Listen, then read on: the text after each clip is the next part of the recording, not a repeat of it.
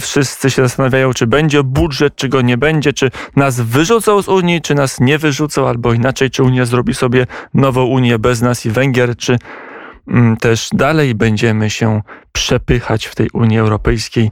Jedni ciągną linę w jedną stronę, inni w drugą stronę. No dobrze, zobaczymy jak to się zakończy. Być może wie to Magdalena Cedro, dziennikarka, dziennikarska prawna. Dzień dobry pani redaktor. E, dzień dobry.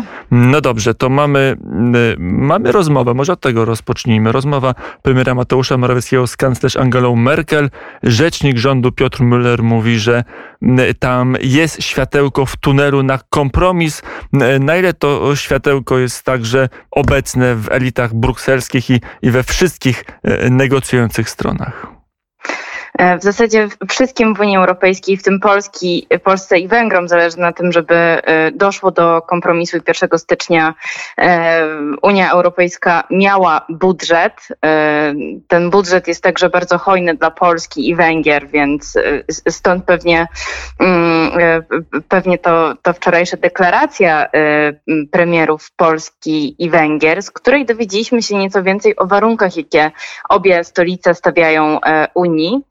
E, po drugiej stronie jest również wola do tego, żeby rozmawiać. Dzisiaj premier Mateusz Morawiecki rozmawiał z kanclerz Angelą Merkel, gdzie jeszcze raz podkreślił, że jest gotowy do zawetowania e, budżetu, ale jak rozumiem, oczywiście mm, rozmowa dotyczyła także e, tego, w jaki sposób można się z tego weta wycofać i znaleźć porozumienia.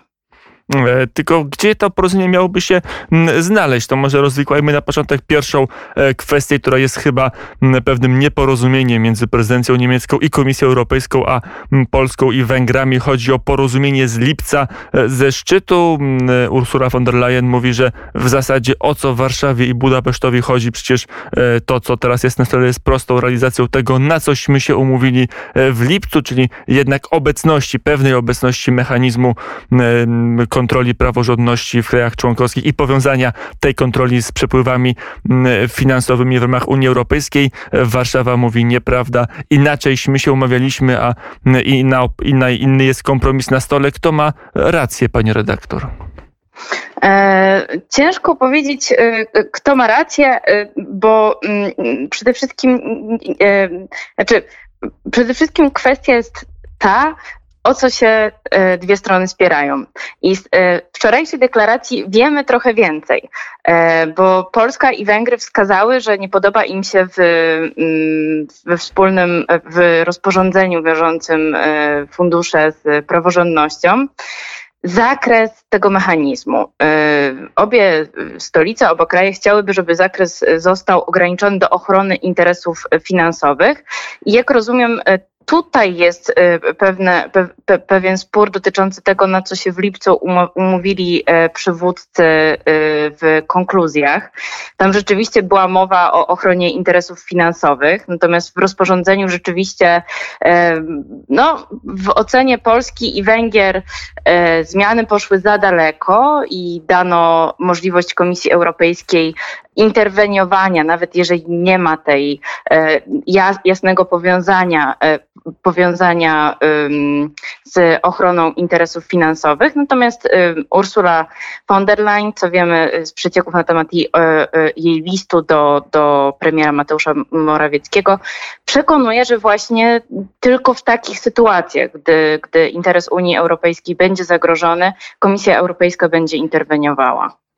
A ta propozycja pani przewodniczącej Ursuli von der Leyen, że jeżeli się Polsce albo Węgrom, albo komukolwiek innemu nie podoba rozwiązanie e, przyjęte, jeżeli ma zastrzeżenia, czy e, to powiązanie praworządności z funduszami jest zgodne e, z tym, co jest zapisane w traktatach europejskich, to niech pójdzie do Trybunału Sprawiedliwości Unii Europejskiej i tam sprawę wyjaśni, na ile to jest to była poważna propozycja, na ile to było jakiś, jakaś, jakieś, jakieś specyficzne niemieckie poczucie humoru.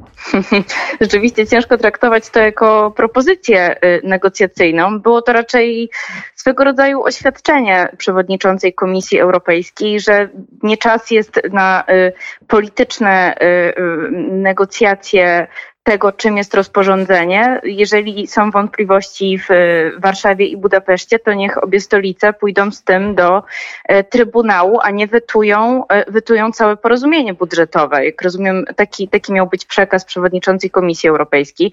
No nie jest to rzeczywiście coś, co można by było traktować jako poważną, poważną ofertę, no bo to jest po prostu stwierdzenie faktu, że oskarżonemu należy się adwokat. Mniej więcej, mniej więcej tego typu jest to, jest to stwierdzenie. E, oczywiście, gdyby na przykład miały pójść za tym jakieś deklaracje, na przykład na szczycie y, przywódcy wszystkich państw członkowskich zgodziliby się na przykład, o tym się, się mówi również w kuluarach w Polsce, zgodziliby się, że mechanizm nie zostanie użyty do momentu, w którym Trybunał nie wyda orzeczenia, czy e, o zgodności lub niezgodności z unijnymi traktatami. Być może to byłby rodzaj, rodzaj pewnego, pewnego kompromisu, no ale oczywiście na razie, na razie tutaj oficjalnie żadna taka propozycja ze strony e, unijnych negocjatorów nie padła. Mm, pani redaktor dość dobrze zna kulisy mm, to, co się mówi nie, nieoficjalnie i nieformalnie na temat tych negocjacji. Mm, intryguje mnie taka, takie, taka sfera niedomówień, która gdzieś jest y, po stronie polskich negocjatorów, że mm, w lipcu zawarto pewne nieformalne obietnice, że Mateusz Morawiecki zgodził się na istnienie tego mechanizmu, tam jeszcze może w innej formie niż jest teraz, ale e, samego mechanizmu oczywiście zaistnienie e, w procesie europejskim, w koncepcji prawa europejskiego, ale dostał no, trochę takie słowo honoru albo jakieś zapewnienia strony europejskich przywódców, że to nie będzie używane, że to, nie, że to będzie trochę bezzębny mechanizm, tak żeby tylko zadowolić socjalistów czy federalistów z Parlamentu, z Parlamentu Europejskiego, na ile mm, taki, e, takie zapewnienie padło i na ile możemy mówić, że, że to też jest element tych negocjacji, pewnego zawodu czy poczucia oszukania przez polski rząd?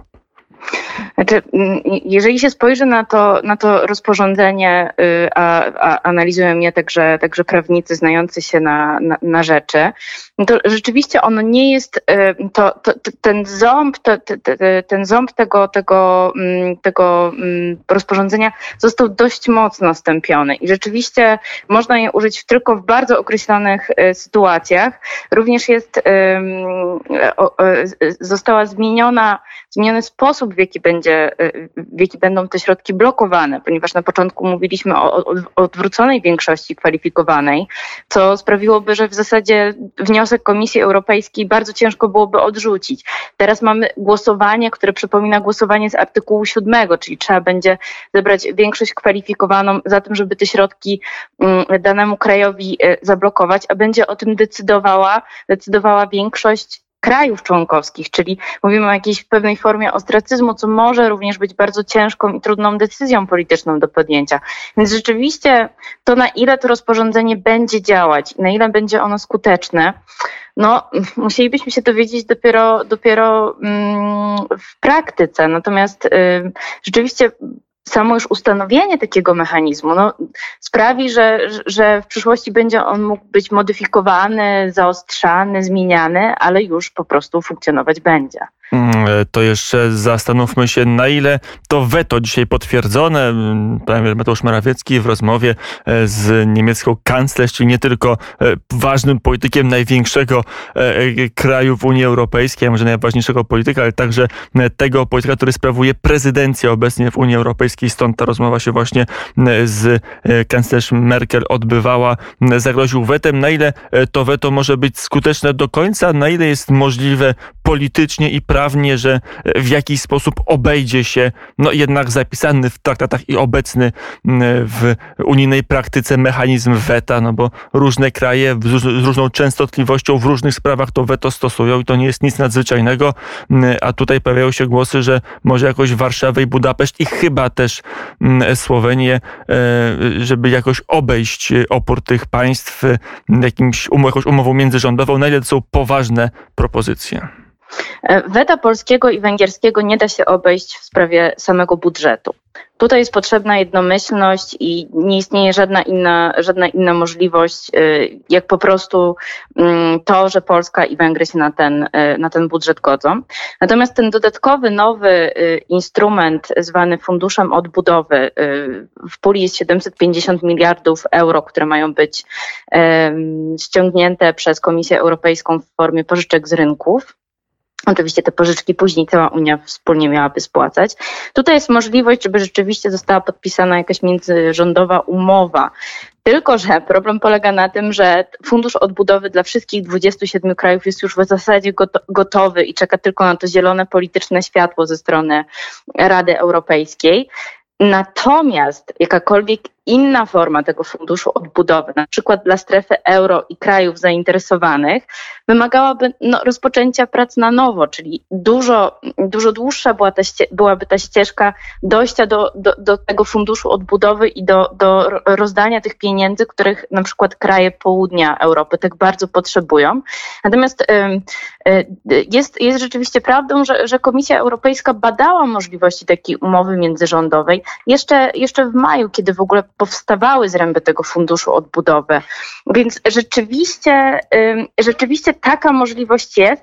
Pytanie tylko, czy, czy, czy będzie polityczna wola, żeby, żeby to zrobić e, jaka, jaki byłby koszt polityczny, na ile e, to byłoby trudne dla przywódców europejskich przyznać, że muszą ten fundusz kroić niejako obok Unii Europejskiej.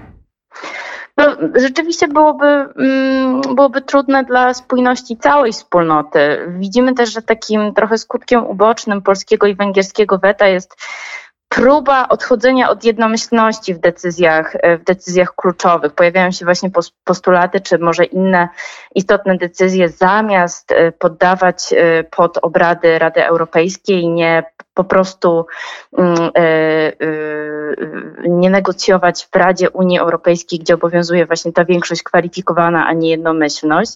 No, rzeczywiście ustanowienie takiego funduszu odbudowy bez Polski i Węgier byłoby, tę spójność by naruszało, ale też, no właśnie, to, to byłby koszt polityczny, który zapłaciłaby także sama Polska i, i, i będące z nią w sojuszu Węgry.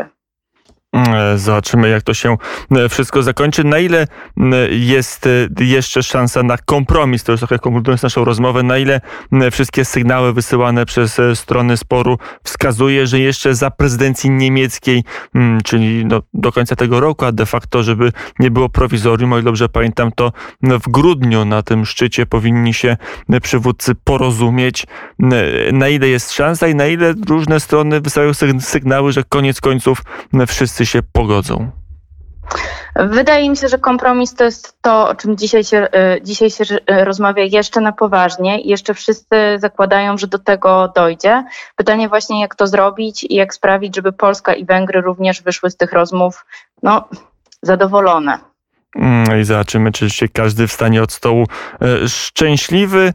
No i zobaczymy, czy nie obudzimy się w prowizorium e, budżetowym. Magdalena Cedro, dziennikarka, dziennikarska prawna, była gościem e, tak, gościnią w sumie, to już nie wiem. E, dziękuję, dziękuję. bardzo za rozmowę, Dziękuję pani bardzo. redaktor.